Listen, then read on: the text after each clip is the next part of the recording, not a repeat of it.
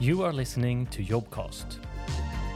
Our slogan says it's kind of well. We're a startup on tap. We have lots of different project teams, so we're not a one big company making one product together. We work with like big brand clients all over the world. If as a person you're interested in the mobile space, there's probably no better place to be in Scandinavia.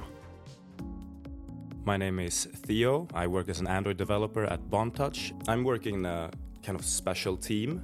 Uh, we are one team called Team Joyride, and, and we are uh, working with two products. One of the products is uh, SEB Kort. It's a credit card app or apps the SEB Bank like provides. We're also working with another client, Taxi Stockholm, which is the, the premium taxi service provider in Stockholm. My name is Robert. I work as an Android developer in one of our app teams at Bontouch, and this team focuses on the tracking experience in the PostNord uh, mobile app.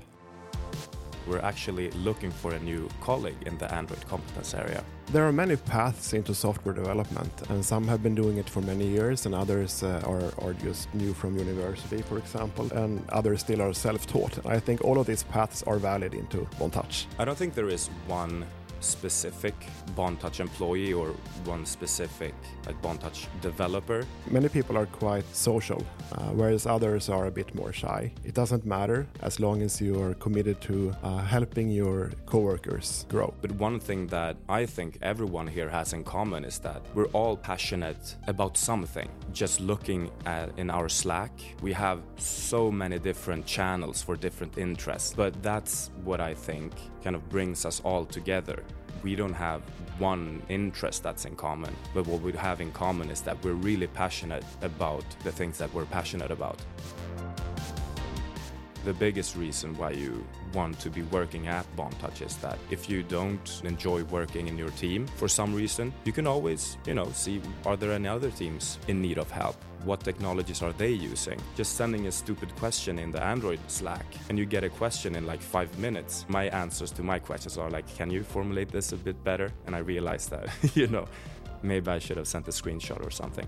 But you always, we have all these um, these amazing developers really keen to share their knowledge, even though you're not working in their project. So you can always get the help that you need, no matter your skill level. One thing that I remember quite fondly is our collaboration with Google, where as one of five companies in the world, we became a launch partner for Persistent Cloud Anchors, which is a new feature of their augmented reality library. So the purpose of this was to be able to navigate around the Stockholm Central Station using AR. This was a lot of fun. Uh, our teams worked very closely together with Google's team in Mountain View, and they even came uh, to visit us in Stockholm. Hopefully you you think this sounds interesting. You should. It's I love working here. I certainly enjoy my time at Bontouch, and I think you would too. I hope to meet you in the corridor at some point in the future.